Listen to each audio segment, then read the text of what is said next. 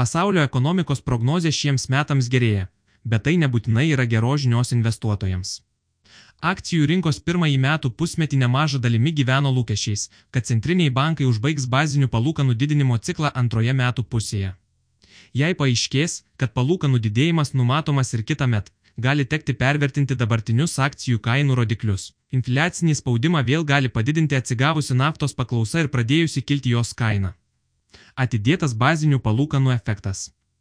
Tarptautinis valiutos fondas TVF pagerino 2023 pasaulio ekonomikos augimo prognozę nuo 2,8 procentų iki 3 procentų, bet ir toliau išvelgia iššūkių. Nors infliacinis spaudimas sumažėjo, o įtampa bankų sektoriuje atslūgo, tačiau ekonomika toliau susiduria su rizikomis, įtampa kredito rinkose nėra išnykusi. Kitų metų prognozės TVF nekeitė ir toliau tikimasi 3 procentai siekiančio pasaulio ekonomikos augimo. Kaip Morgan duomenys rodo, kad investuotojai per pastarąsią savaitęs mažino savo akcijų pozicijas. Šiojo TV banko atstovas Marko Kolanovičius dar kartą perspėjo, kad akcijų įverčiai yra pavojingoje teritorijoje ir tikėtina jų kainų korekcija, kurią sukels su atidėjimu suveikusios bazinės palūkanos. Kita vertus, investicijų strategai, prognozavę akcijų kainų korekciją per pirmą šių metų pusmetį, pripažįsta klydę.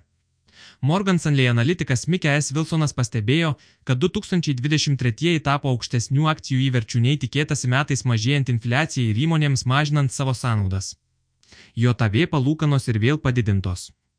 Po vienkartinės pauzės, JOTV Federalinis rezervų bankas FED Liepos pabaigoje 0,25 procentai punkto padidino bazinės palūkanas, kurio šiuo metu yra 5,255,5 procentų rėžyje.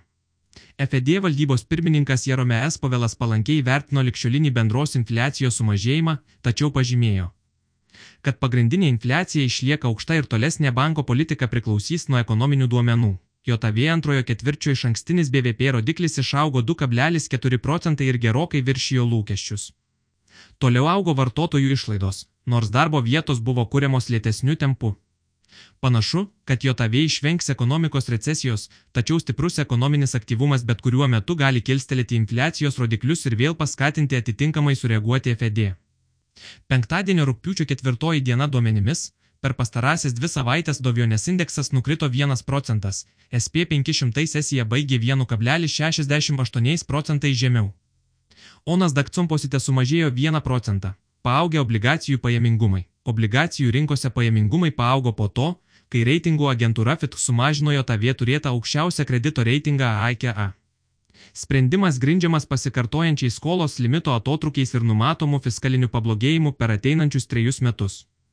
Aukščiausią jo tavie kredito reitingą kita reitingų agentūra Standard Poor's sumažino dar prieš dešimtmetį. Šiuo metu trečioji iš didelių tarptautinių reitingų agentūrų Modies išlaiko jo tavie sutiktą aukščiausią kredito reitingą. Dviejų metų trukmės JAV išdo obligacijų pajamingumas sumažėjo trimis baziniais punktais ir siekė 4,78 procentų 10 metų obligacijų pajamingumas. Reaguodamas į geresnius nei tikėtasi ekonominius duomenis, kurie pagrindžia ilgesnį aukštesnių palūkanų naratyvą. Per pastarąsias dvi savaitės padidėjo 19 bazinių punktų iki 4,05 procentų. Pajamingumo kreivė, matuojama atotrukiu tarp 2 ir 10 metų obligacijų pajamingumo išlieka apversta, nors atotrukis yra linkęs mažėti toliau ir šiuo metu sudaro minus 73 bazinius punktus. Eurozonoje aukščiausias palūkanų lygis per 22 metus. Kaip ir buvo tikimasi, Europos centrinis bankas ECB padidino bazinę palūkanų normą dar 0,25 procentai punkto iki 3,75 procentų pasiektas aukščiausias palūkanų lygis per 22 metus. ECB prezidentė Kristina Lagardė pirmą kartą pastebėjo, kad rizika tarp infliacijos ir silpnos ekonomikos šiuo metu yra subalansuota. Konkretus tolesni veiksmai nebuvo įvardyti, tik užsiminta apie galimą pauzę rugsėjį ar per vėlesnius posėdžius, tačiau taip pat patikslinta, kad tai nebūtinai taps palūkanų didinimo pabaiga. Eurozonos ekonomika vėl pradėjo aukti, o pagrindinis infliacijos spaudimas išliko. Tai paskatino spėliones, kad ECB dar gali reikėti padidinti bazinę palūkanų normą. Remiantis Eurostat duomenimis, eurozonos BVP per antrą ketvirtį, palyginti su ankstesniuoju, paaugo 0,3 procentai taip pat į aukštesnę pusę patikslintas pirmojo ketvirčio rodiklis, kuris iš neigiamo tapo nuliniu. Panašu, kad eurozona balansuoja ant recesijos ribos. Europos toks 600 akcijų indeksas penktadienio prekybą dviejų savaičių perspektyvoje baigė 1,4 procentai žemiau, Vokietijos DX indeksas laikotarpį baigė sumažėjęs pusantro procento. Junktinės karalystės FTSE 100 indeksas nukrito 1,3 procentai, o Baltijos OMX Baltic Benchmark nuosmukį sudarė 0,3 procentus. Blogėjančios Kinijos ekonominės perspektyvos.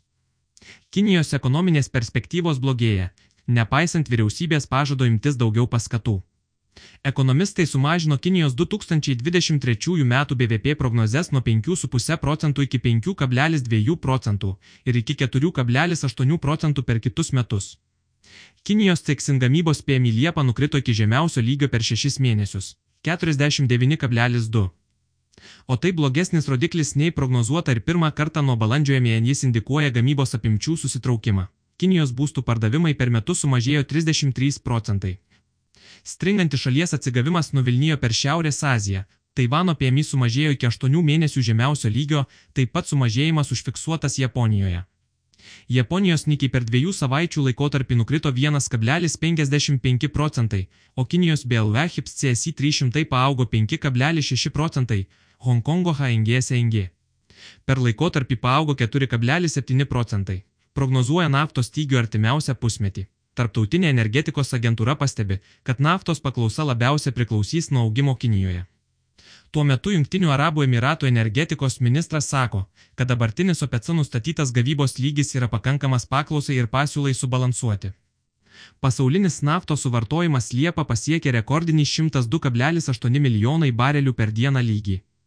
Goldman Sachs analitikai pastebi, kad antroje metų pusėje pasaulis gali susidurti su naftos deficitu, kuris sudarys apie 1,8 milijonus barelių per dieną. Todėl per ankstesnius 12 mėnesių vyravusi naftos pasiūlos perteklių gali pakeisti trūkumas, jei OPEC toliau pratęs naftos gavybos apimčių mažinimą, kuris šiuo metu nukritęs iki žemiausio per ketverius metus lygio. Brent naftos sandoriai dviejų savaičių perspektyvoje buvo prekiaujami 4,56 procentai aukščiau ir sudarė 86 JVDOL už barelį. JVWTI naftos kaina išaugo 5,18 procentų iki 82 JVDOL už barelį. Aukso kaina nukrito 0,6 procentų iki 1942 JVDOL už unciją.